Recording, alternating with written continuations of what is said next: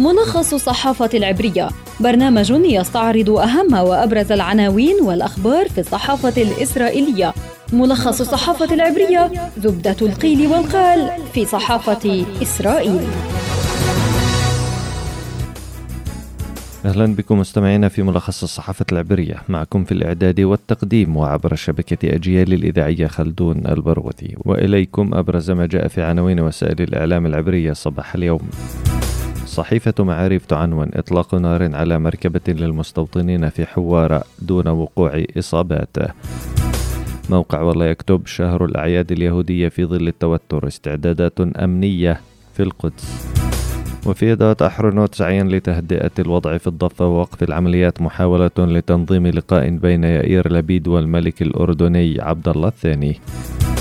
القناة الثالث عشرة تكتب حالة تأهب في القدس مع عشرات الإنذارات لإمكانية وقوع عمليات في فترة الأعياد اليهودية. وفي هيئة البث الإسرائيلية إسرائيل تضع المئات من فلسطيني الداخل تحت المتابعة في ظل التوتر الأمني. في هيئة البث الإسرائيلية أيضا لبيد أمام معضلة. هل سيدعم منع التجمع من الترشح فيدخل في مواجهة مع عودة والطيبي؟ هآرتس تعنون الولايات المتحدة قدمت مقترحا جديدا لاتفاق حول الحدود المائية مع لبنان في إسرائيل متفائلون بشأن البدء بعمليات الحفر لاستخراج الغاز. موقع بوكينج للسياحة وحجز الفنادق سيضيف معلومة تقول إن الضفة بما فيها القدس الشرقية مناطق خطرة للزائرين. إسرائيل هيوم تعنون لبيد يسعى إلى جعل التصويت على اتفاق الحدود المائية مع لبنان سريا.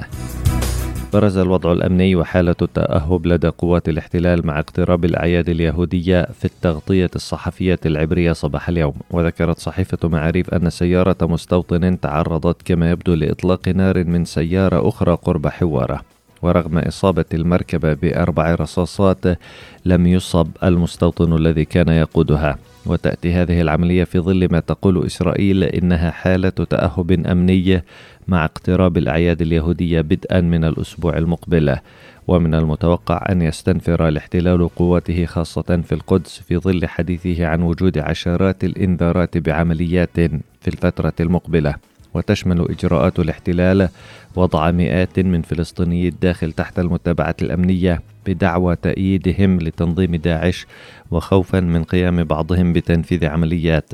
في هذا السياق تقول صحيفة يدعوت أحرنوت إن مكتب رئيس حكومة الاحتلال يائير لبيد يسعى إلى تنظيم لقاء بالعاهل الأردني الملك عبد الله الثاني على هامش التئام الجمعية العامة للأمم المتحدة في نيويورك. ويأتي ذلك ضمن جهود لبيد لمنع تصعيد خاصة في القدس. من ناحيتها قالت هيئة البث الإسرائيلية إن الأردن وإسرائيل معنيتان بهذا اللقاء لكن توجد حتى اللحظة صعوبات في تحديد موعد لهذا اللقاء.